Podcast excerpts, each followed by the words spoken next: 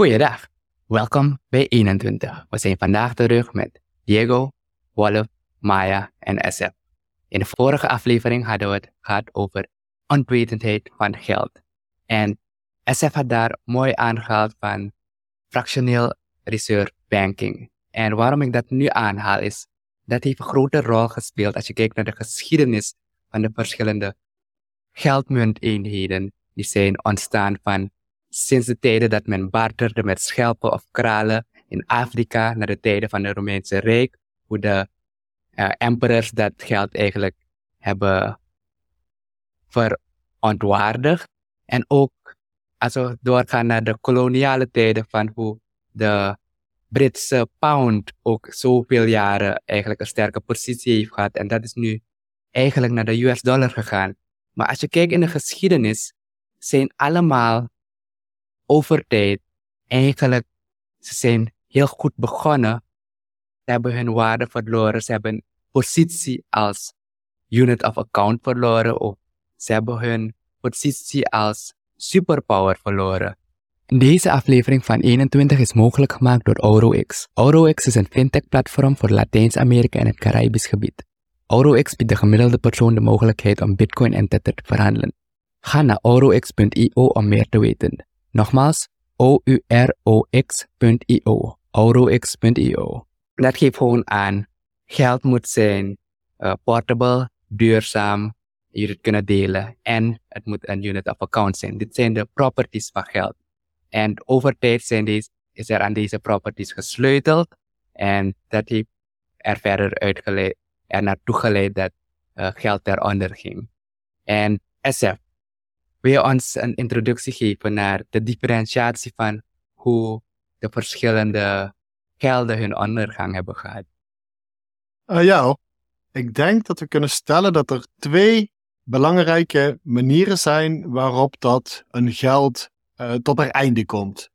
Uh, de eerste waar wij in de moderne wereld redelijk bekend met zijn, is zoiets als hyperinflatie bijvoorbeeld, waarbij een geld in zo'n ho hoeveelheid wordt bijgedrukt en bijgeprint en in circulatie wordt ge gebracht, dat de waarde zo hard instort dat het geld onbruikbaar wordt. Op het moment dat je een kruiwagen met briefgeld moet verslepen om een brood te kopen, dan kun je het, is het geld waardeloos, als het ware. Um, wat we nu bijvoorbeeld zien in Venezuela, is dat men muntgeld uh, in plaats van gebruikt als geld, uh, is de waarde van het metaal en het muntgeld is meer waard dan het geld zelf.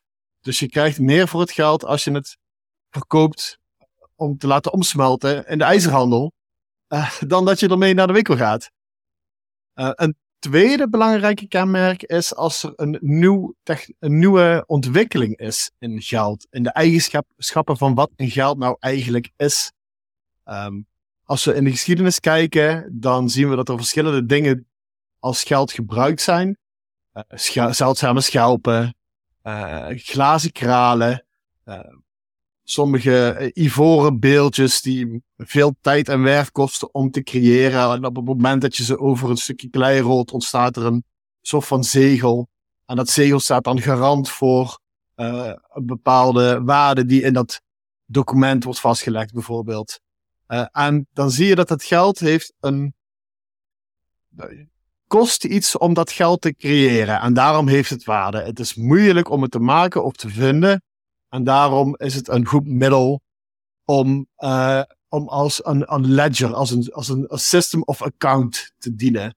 Uh, het probleem is alleen als er op een gegeven moment um, een nieuwe technologie wordt gevonden of een buitenstaander komt van buitenaf en die heeft een technologie om makkelijk veel glazen kralen te maken, die bijvoorbeeld gebruikt werden als geldmiddel, dan uh, heeft hij de macht om in zeer korte tijd veel geld te creëren en daarmee uh, de handel van, van een, een, een cultuur uh, over te nemen of alles goedkoop op te kopen.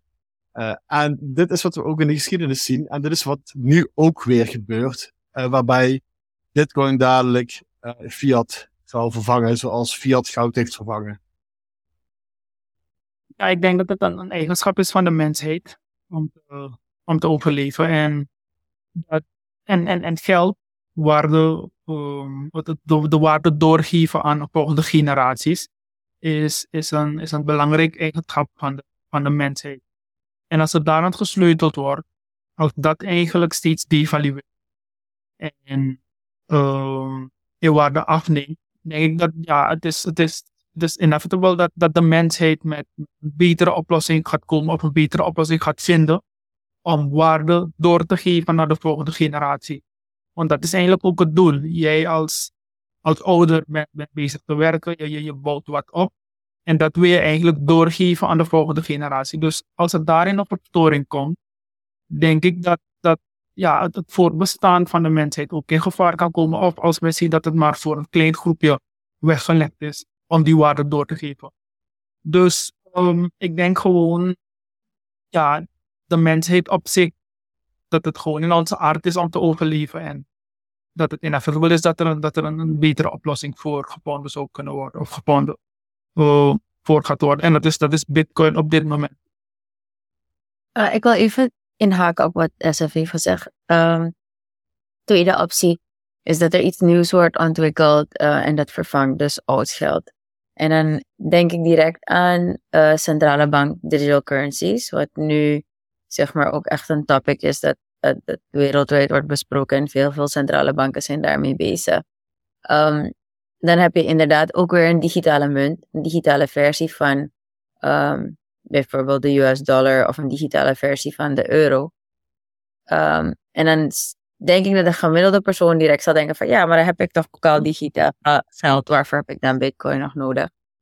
Um, dus ik denk dat het belangrijk is om een onderscheid te maken en waarom um, bitcoin beter is dan een centrale bank digital currency bijvoorbeeld. Want um, het wordt eigenlijk in feite gewoon een digitale versie van de huidige euro bijvoorbeeld of de huidige dollar. En dat is nog steeds um, centraal, centraal gecontroleerd. Dus een third party, uh, een derde partij, die beslist wat de waarde van je geld is. Die beslist hoeveel geld er in omloop is. En niet alleen dat je verliest ook meer een stukje van je vrijheid. Want je kan gecensureerd worden op je geld. Je kan uh, getraceerd worden op je geld. Je verliest een heel, een heel groot deel van je privacy in je uitgaven ook gewoon. En ik bedoel, centrale banken willen natuurlijk um, dat, dat stukje privacy proberen te mitigeren of te, uh, een, een, ander, een, ander, uh, een ander beeld van te scheppen. Maar je bent wel een significant deel van je privacy kwijt. Ook al willen ze het op de een of andere manier um, laten, of doen laten blijken dat dat niet zo is. Technisch kunnen ze heel veel inzage krijgen en Um, en controle uitoefenen. Precies, en controle uitoefenen. Want ze kunnen eigenlijk gewoon bepalen wie wat wel niet mag doen en met wie. Um, dus als Kijk je maar naar China tegenwoordig. Ja, precies. Als je verkeerde politieke in, invalshoek hebt bijvoorbeeld. Als je kijkt naar China, elke, elk groot techbedrijf bijvoorbeeld. Kijk wat er met Jack Ma is gebeurd. Right? Een van de meest influentiële tech-ondernemers. Uh, met een van de grootste bedrijven in China als je daar niet met de overheid wilt werken of aan de overheid wilt verkopen, dan word je gewoon weggewerkt. En dat wordt alleen maar erger met, met, met dingen zoals een, een, een centrale bank digital currency. Je overheid kan geen, geen controle of extra controle op je uitoefenen als Bitcoin de medium of exchange is. En ik denk ook dat stukje, zeg maar, uh, geopolitiek wat er nu is wereldwijd. Um, er is nu, kijk, geld geeft macht. Hè. Als, als de, ik letterlijk op, op, op, op een, een talk in, um, op consensus zei iemand nog van ja, uh, we moeten de US dollar als reserve, als wereld uh, unit of exchange moeten we beschermen. En dat moeten we nu doen. En ik dacht bij mezelf, wat, wat geeft jou het recht? En wat geeft Amerika het recht met wat, 380 miljoen mensen of 375 miljoen mensen um, op de totale wereldbevolking. Wat geeft jullie het recht om te bepalen voor de rest van de wereld um, wat de waarde van ons geld is en wat de waarde van economie is en wat de waarde van mijn tijd is en hoe ik mijn, mijn, mijn, mijn, mijn leven of gezin moet, moet opbouwen. Want dat, dat uiteindelijk beïnvloedt je. En ik denk dat Bitcoin dat stukje geopolitiek ook oplost. Want je hebt een stukje greed natuurlijk. Je hebt een, stuk, een stukje macht. En macht corrumpeert natuurlijk. Dus er is nu een hele geopolitiek gevecht uh, vanuit de BRICS-landen. En als je niet uitkijkt, en ja, ik wil niet te, te veel als een, uh, een conspiracy theorist gaan, gaan klinken, maar uh, als je kijkt naar het heel ge geopolitiek verhaal, dan is er inderdaad een strategie om de dollar te ontwortelen als de wereld, uh, world, ja, unit of trade eigenlijk. En dat als bitcoin ons geld is, als bitcoin, wanneer bitcoin geld is, dan heb je dat stukje geopolitieke probleem niet meer. Want geen enkel, geen enkel land kan bepalen wat de waarde is van het geld van een ander land. Het is de perfect, um, non, uh, nee, bipartisan of uh, onafhankelijke, zeg maar. Uh, onafhankelijke geldeenheid dat eigenlijk wereldwijd gebruikt kan worden. Zonder dat je dat stukje geopolitiek krijgt. Want niemand kan meer macht uitoefenen vanuit hun currency. currency um, of vanuit hun geld. Kijk, Amerika kan niet eindeloos blijven drukken. En dan moet de rest van de, de, rest van de wereld het maar nemen. Dan heb je dat stuk IMF, World Bank, waar ze uh, invloed uitoefenen op de rest van, vooral de emerging economies. Um, dat haal je helemaal weg, zeg maar. Dus ik denk dat het onderscheid echt belangrijk is tussen die twee. Ja, Bitcoin discrimineert niet. Yes. Geld geeft macht en Bitcoin discrimineert niet. En om dat even ook te relateren dat de geschiedenis, SF haalde daar mooi aan in het begin over de parels, de schelpen die men gebruikte in delen van Afrika. En toen de Europeanen kwamen, omdat zij eigenlijk glas, glas was ook een van de middelen, glas zo makkelijk konden produceren, hebben ze de markt in Afrika in theorie eigenlijk um, overstroomd met al dat en glas. praktijk. Ja, en, en, En- en alles. En, en- ging er gewoon heen, kwam met het eh, van thuisgemaakte, geproduceerde glazen kralen eh, naar Afrika, naar Amerika en noem maar op. En zei vervolgens hier, kijk, dit is eh, ja, voor ze, jullie. waren lords daar. jullie kost het veel tijd en veel geld om dit te produceren. Wij hebben het hier in overvloed. Geef ons jullie grondstoffen, geef ons slaven en in ruil krijgen jullie deze mooie kralen. En vervolgens worden de mensen die in eigen land de kralen of de schelpen of de kledij en de stoffen konden produceren in een eh, land van de kolonist weer ingezet om daar massaproductie van het geld te doen. En ja, dan versnelt het proces natuurlijk. En als je dat vergelijkt wat er nu gebeurt, dat gebeurt eigenlijk nu ook met de US dollar. Nu heeft de US dollar de, het macht. En ik, ik zeg het altijd zo, de, de grootste exportproduct van de Verenigde Staten is de US dollar. Ze exporteren hun inflatie. En omdat iedereen, elk land, vooral de ontwikkelingslanden, het geld nodig hebben, anders, want hun lokale currency wordt niet geaccepteerd, moeten ze dat nou gebruiken.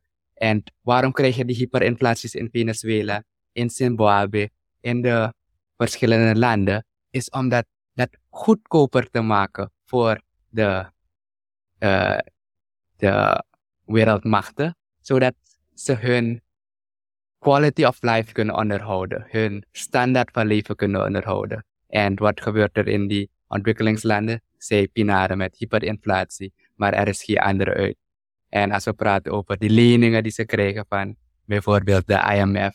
En dat is eigenlijk meer om ja, te herstructureren, maar eigenlijk ook om de situatie of de extractie te faciliteren van de resources. De landen krijgen het geld om infrastructuur te kunnen aanleggen, om gewoon de resources te extracten. En dat gaat dan naar de, uh, naar de grote landen. Vooral als je het hebt over het, de, uh, die organisaties zoals het IMF, het Internationaal Monetair Fonds en de Wereldbank. Als je kijkt hoe zij door de geschiedenis heen hebben gehandeld. Op het eerste gezicht komen deze organisaties als hele nobele organisaties over die dan zeggen van oké, je hebt economische problemen in je land. We hebben hier een grote pot met geld. Uh, we kunnen je wel geld lenen. Maar, en dan komt het, dan moet je natuurlijk wel aan bepaalde voorwaarden voldoen. En wat zijn die voorwaarden vaak? Je moet je lands, landsgrenzen opengooien voor investeringen van buitenaf. Um, je moet ervoor zorgen dat bedrijven die genationaliseerd waren, dat die op de vrije markt verhandeld kunnen worden. Denk aan nutsbedrijven en allemaal dat soort dingen. Uh, een andere voorwaarde die vaak gesteld wordt, is dat er zogenaamde free trading zones moeten ontstaan in ontwikkelingslanden, waarbij je stukjes grond hebt, waarbij uh, een land zegt van oké, wij nemen die lening van het IMF of van die Wereldbank en in ruil daarvoor, als buitenlandse bedrijven zich hier vestigen, hoeven ze vijf jaar of tien jaar geen belastingen te betalen. En dat klinkt allemaal heel mooi, maar ondertussen is die lening vaak niet terug te betalen. Worden die voorwaarden daarna alleen maar verlengd. En het is een soort van neocolonialisme. Waar krijg je, me, krijg je niet uitgesproken? Jullie snappen wat ik bedoel. Um, en ik denk dat een aantal schrijvers die het hier heel mooi over hebben gehad, zijn uh, bijvoorbeeld Naomi Klein in het boek No Logo, de shockdoctrine. En Alex Gladstein van de Human Rights Foundation, die heeft afgelopen week volgens mij een nieuw boek uitgebracht. Dat gaat hier ook specifiek over. Ik denk dat het de moeite waard is om, om dat eens uh, te lezen. Als iemand geïnteresseerd is. Je haalt daar een mooie term aan, de free trading zones. En als je het eigenlijk bekijkt in het verleden, toen al die landen nog op de gold standard waren, had je vaste ratio's. En eigenlijk was het geen gokken van wat is de exchange rate tussen mijn land en mijn currency en dat van uh, in Europa met Zwitserland bijvoorbeeld. Alles was gepakt op goud en er was predictability. Ondernemers konden plannen voor de toekomst. En als je naar die historie kijkt, naar die grafieken van 1971, toen alle landen van de gold standard eigenlijk de US dollar, want ze waren uh, gekoppeld aan de US dollar, toen dat van de gold standard was, was er plotseling een hele grote volatiliteit en men kon niet voorspellen wat hun eigenlijk exchange rate meer zou zijn, omdat nu alles los was. En uiteindelijk door die uh, invloeden van de centrale banken en de overheden om dat te proberen te controleren, krijg je een spanning. En wanneer die spanning te groot wordt, uh, wordt het uh, afgereageerd op de samenleving. Terwijl als ze dat gewoon overlaten aan de vrije markt, waardoor je eigenlijk de mechanismen, ja, je gaat af en toe slechte tijden hebben, maar die shock gaat niet zo groot zijn. De markt zal zich normaal reguleren tot een uh, natuurlijke equilibrium. Diego, what, wat heb je daarover te vertellen? Nee, ik ben het, uh, ik ben het volkomen eens met jou. En, uh, de, de, de, vrije markt en, en het overlevingsinstinct van de mens gaat, gaat, gaat altijd uh, winnen. Gaat, uh, gaat altijd overtreffen. Dus dat is eigenlijk uh, wat ik nog wil, willen bijvoegen. Alright. Maar als we nu kijken naar de rol dat Bitcoin vervult in de moderne tijd en nu de superpowers, uh, de, de landen met het macht, ze proberen vooral Bitcoin te censureren, zodat het niet in circulatie komt. Maar ze kunnen daaraan niet gaan. Maar je haalde in het begin aan de central bank digital currencies. En je zou je denken, beide zijn digitaal. Maar het lastige van de central bank digital currencies, zijn het al aangehaald, is dat censuur. Men bepaalt van uh, hoeveel er in het systeem is en ze kunnen eraan komen. En ze kunnen bepalen van, hey, je krijgt als het ware vouchers om inkopen te gaan doen met de vervaldatum. Dus je geld gaat in principe vervallen. Je, hebt het niet in eigen handen. Hoe zien jullie eigenlijk die overstap van nu? Want je hebt cyclies, right? En het lijkt alsof de US dollar nu in die een piek bereikt en in die downfall fase is. Hoe zien jullie, de toekomst is natuurlijk niet te voorspellen, maar hoe die transitie zal gaan naar terug naar echt geld. Ik denk eerlijk gezegd dat um, centrale bank digital currencies gaan helpen in Bitcoin adoption. Eerlijk gezegd, ik denk dat mensen dan leren om te werken met digitaal geld. En dan juist wanneer ze beseffen hoe uh, gecensureerd het is en hoe gecontroleerd het is, dat ze sneller overstappen als het inderdaad zover komt. Um, maar ik denk ook het belangrijkste onderscheid is, eentje die ik niet heb genoemd, is um, hoe geld wordt gecreëerd, hoe het wordt geschept. Weet je, als het zo centraal currency is, dan kunnen ze eindeloos printen. Um, ze kunnen misschien wat um, een beter handle krijgen op de money supply uh, M, 2 en, en daar makkelijker mee spelen. Maar als je kijkt naar Bitcoin, het wordt gecreëerd door energie, door het gebruik van energie, door het inzetten van resources. En daar krijg je als reward uh, Bitcoin voor terug. Um, het wordt niet uit de lucht um, ja, gefabriceerd, zeg maar. En het is schaars. De 21 miljoen zullen er ooit maar zijn. 21, 40 de laatste. En de manier waarop het, uh, zeg maar, waardoor de reward wordt uitgekeerd, de moeilijkheidsgraad om het te minen, dat maakt het, dat maakt het, dat is de, zeg maar het kernverschil tussen een centrale bank digital currency of any token, any shitcoin eigenlijk dat gewoon gedrukt kan worden. Um, en, en Bitcoin. En waarom Bitcoin beter is dan een centrale bank digital currency of een, een any, any andere block, uh, blockchain. Um, die nu wil doen alsof ze beter zijn dan Bitcoin. Dus ja, dat is een beetje wat ik eraan wilde toevoegen. Ik, uh, ik, uh, ik wil me graag schuldig maken aan iets dat ik in de vorige aflevering heb gezegd dat niet goed is. Namelijk het gebruiken van moeilijke termen om dingen uh, ja, zodat dingen obscuur, uh, onderzichtig worden gepresenteerd als het ware. Uh, en ik wil een paar, paar termen wil noemen en dan even heel kort beschrijven, beschrijven, omdat ik denk dat ze heel belangrijk zijn in hoe die transitie van fiat geld naar een sound money standaard zal gaan. en dat zijn de termen Schelling Point en Gresham's Law en Tier's Law. en wat bedoel ik daarmee? Een Schelling Point is eigenlijk een, een, een een punt waar je met z'n allen op uitkomt, zonder dat je in principe met elkaar aan het overleggen bent van, oh, dit is wat we gaan doen samen. Uh, dus bijvoorbeeld als je de weg kwijtraakt uh, met een vriend in New York, waar ga je elkaar ontmoeten? De meeste mensen zullen zeggen Times Square of het station. Want dat zijn grote belangrijke punten.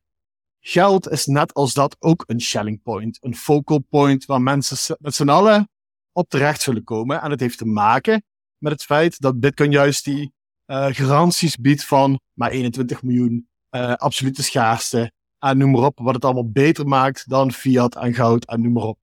De tweede term, Gresham's law, wil zeggen dat slecht geld het goede geld uit circulatie drijft. Dus wat je nu ziet, is dat mensen bitcoin liever niet uitgeven, maar het uh, spreekwoordelijk in een oude sok onder de bank of onder een bed verstoppen. Uh, want wat wil je als eerste kwijt? het geld dat niks waard is of dat steeds minder waard wordt. Als ik mag kiezen, ik sta bij de bakker, ik wil een broodje kopen, ga ik mijn bitcoin uitgeven waarvan ik weet dat het alleen maar meer waard wordt. Of die euro die elke dag minder waard wordt. Dan weet ik het wel. Tierslaw daarentegen is het tegenovergestelde. Die zegt dat het goede geld het slechte geld uit circulatie drijft. En dat wil zeggen dat uiteindelijk zullen meer mensen doorkrijgen van hé, hey, die euro die wordt minder waard. Ik wil dat geld helemaal niet accepteren. Geef mij dit goede geld. Dus dan sta ik bij de bakker en dan zeg ik hier, pak mijn euro alsjeblieft. En dan zegt hij, nee, nee, nee, nee, nee. Ik hoef die euro niet. Geef me die bitcoin. En dan zie je dus dat die wisselwerking, die ommekeer, langzaam tot stand zal komen. En er komt een keer een draaipunt. En daarom zegt men in de bitcoin-wereldje ook wel, gradually, then suddenly. Dus het gaat heel langzaam, heel langzaam. En dan komt een keerpunt en dan bam. Voordat je het weet, wil iedereen bitcoin hebben. Maar um, vraag je, is, is heel interessant. Maar hoe ziet, hoe, hoe, hoe ziet de rol van de overheid er dan uit in die transitie? Want als eigenlijk mensen uh, volledig grip hebben op hun geld en de overheid totaal geen grip meer op kan hebben, kan je de overheid eigenlijk helemaal uitsluiten. Ja, ik denk dat we een hele episode daarover kunnen gaan doen. Jo. Nee, inderdaad. Ik denk dat we het daarbij gaan houden. Uh, Maya heeft het heel mooi aangegeven SF heeft dat ook onderbouwd uh, met de laws. En frappant, hè? Uh, ironisch dat eigenlijk het huidige systeem en misschien zelfs de central bank digital currencies adoptie zullen versnellen. En eigenlijk mensen gaan trainen om om te gaan met digitaal geld. En daarna het licht zien van, oké, okay, nu kunnen we snel overstappen. We gaan dit alles uitgeven en stappen over. Heel interessant. En wat vooral gaat de overheid dat he dan hebben in die, na die transitie of tijdens die transitie. Dat is ook een aflevering om diep over te filosoferen. En we kunnen We'll go down, kicking and screaming. We kunnen ook kijken naar de geschiedenis wat met die overheden, met ik, de, die superpowers is gebeurd. Ik, ik, wil misschien één dingetje toevoegen. Als, als het mag, Diego. Ik wil nog één dingetje toevoegen over, over de downfall of money. En eh, ik denk dat wij ervan uit mogen gaan. Ik zal niet overal kloppen. Hè. We hebben natuurlijk verschillende overheden, geografische gebieden met andere regeltjes en andere mentaliteiten. Uh, maar ik denk dat veel overheden zullen, zullen wijzen van die bitcoiners en die bitcoin, die zijn de schuld van alles, want zij hebben ons verdoemd en ons geld verkloot. Um, ik ben het niet met die mening eens natuurlijk. Uh, bitcoin is de lifeboat, bitcoin is onze reddingsboei. Het geldsysteem zoals het nu is ingericht is verdoemd om te mislukken, uh, puur door hoe het in elkaar steekt. En ik denk dat we dat uiteindelijk um, ons als mensheid ook niet kwalijk kunnen nemen, want iedereen doet zijn best om het beste te maken in de wereld. Maar ja, macht corrupteert. En als je de macht over het geld hebt om het te beïnvloeden en te manipuleren, en je kan het ongezien stiekem doen, uh, en je komt ermee weg, ja goed, dan zullen de meesten van ons, ook al staan we hier hoog en nobel te doen, van hey, met onze bitcoin, fix the money, fix the world. En velen van ons zouden zich daar ook schuldig aan maken. En ik denk dat dat belangrijk is om, uh, om in het achterhoofd te houden. En dat we met compassie en met uh, nederigheid deze roerige periode ingaan. proberen elkaar uh, te helpen herinneren aan wat nou echt belangrijk is. En hoe we het samen beter kunnen doen. Nee, ik denk dat het zeker een mooie boodschap is. En time will tell. We moeten humble blijven. We moeten het niet naar ons hoofd laten gaan. En we moeten gewoon elkaar blijven ondersteunen. En mensen gewoon langzaam, maar plotseling laten overstappen naar Bitcoin. Met dat gezegd hebben, dankjewel voor het luisteren en we zien jullie de volgende keer terug bij 21. Tot dan.